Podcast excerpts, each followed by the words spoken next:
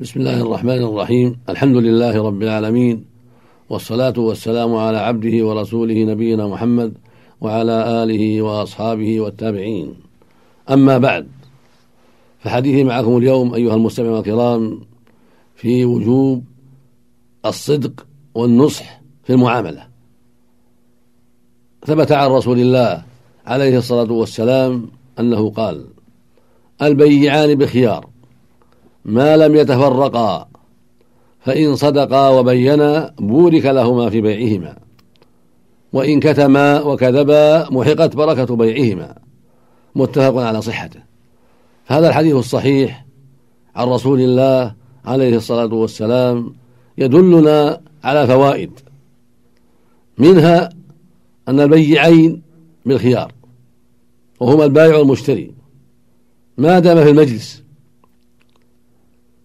فإذا أحب البائع أن يرجع أو المشتري أن يرجع فلا حرج. ما دام في المجلس. لأن البائع قد يبيع ثم يندم. والمشتري قد يشتري ثم يندم. فجعل الله لهما فسحة. ما دام في المجلس. فمن شاء الرجوع فليرجع. ما لم يخير أحدهما الآخر. فإن خير أحدهما الآخر وقال له اختر. فاختار إمضاء البيع مضى. أما إذا سكت فكل واحد بالخيار. إن شاء البائع أمضى وإن شاء رجع وإن شاء المشتري أمضى وإن شاء رجع.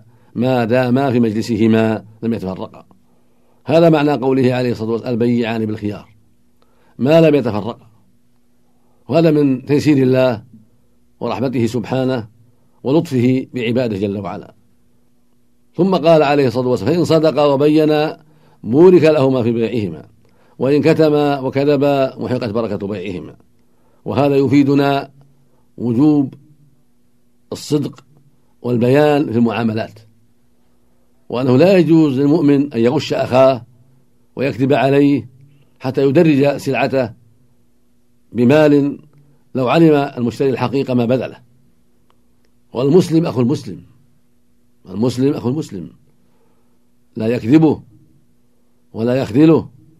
ولا يحقره ولا يغشه ولا يخونه ولا يحسده ولا يفعل معه ما لا ينبغي.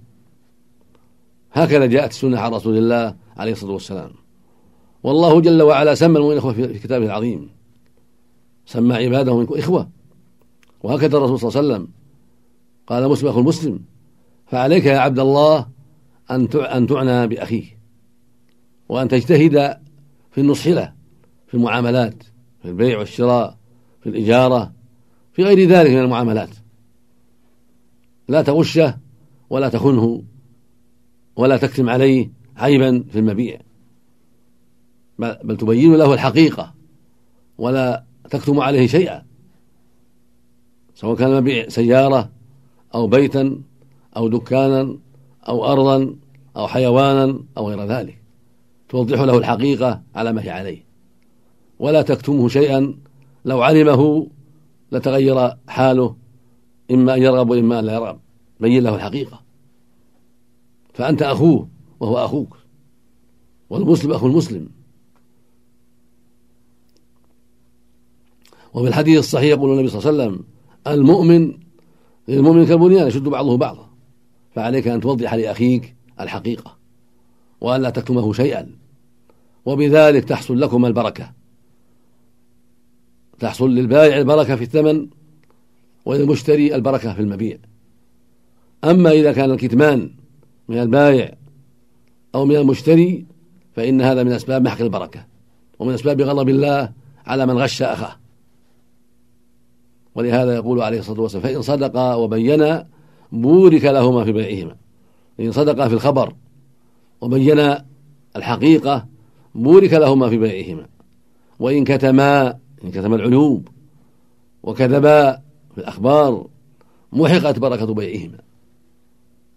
فالبائع يبين حال المبيع والمشتري يبين حال الثمن إن كان معينا ولا يغشه فيه سواء كان معينا أو غير معين. عليه أن يدفع الحقيقة السليمة ويدفع البائع كذلك المبيع السليم. فإن كان هناك عيب بينه وأوضحه حتى يقدم المشتري على بصيرة. والخيانة عاقبتها وخيمة والكذب عاقبته شر. أما الصدق والبيان فعاقبتهما حميدة. الرب يرضى عنك في عملك من الصدق والبيان والبركة تحصل لك. أما مع الكذب والكتمان فأنت على خطر من غضب الله عز وجل ومع ذلك متوعد بمحق البركة. وكثير من الناس لا يبالي بهذه الأمور.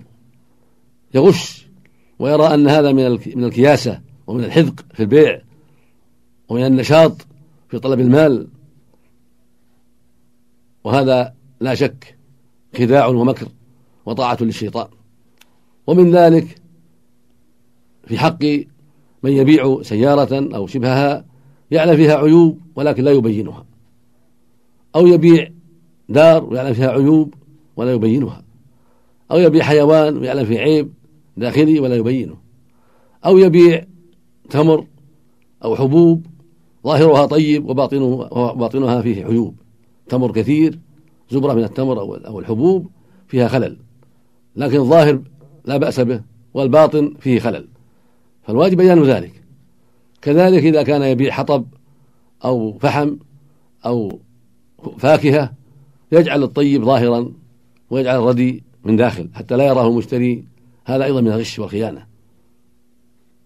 أو يقول اشتريتها بكذا. اشتريتها بمئة هو يكتب ما شراها إلا بثمانين أو يقول سمت مني بمئة هو يكتب ما سمت إلا بثمانين أو سبعين. كل هذا من الغش. كل هذا من التدليس والكذب. فالواجب على كل من البائع والمشتري أن يتقي الله وأن يصدق فيما يقول وأن يحذر الغش لأخيه والخيانة لأخيه. حتى يحصل له بذلك. حتى يحصل له بذلك مرضاة الله عز وجل وبراءة الذمة. وحتى يسلم من ظلم أخيه والتعدي عليه. وحتى يسلم أيضا من محق البركة. فدرهم مبارك خير من مئات آلاف لا بركة فيها. ومرضاة الله فوق كل شيء. مرضاته سبحانه والحذر من غضبه جل وعلا فوق كل شيء فوق الدنيا كلها. فاتق الله يا عبد الله. واتق الله يا أمة الله في المعاملة عليكم بالصدق والبيان واحذر الكتم الكتمان والكذب. والله مسؤول عز وجل أن يوفقنا والمسلمين للصدق والبيان في المعاملات والنصح لله ولعباده وأن يعيذنا والمسلمين من شرور أنفسنا ومن سيئات أعمالنا. إنه سبحانه جواد كريم وصلى الله وسلم على عبده ورسوله نبينا محمد وعلى آله وأصحابه وأتباعه بإحسان.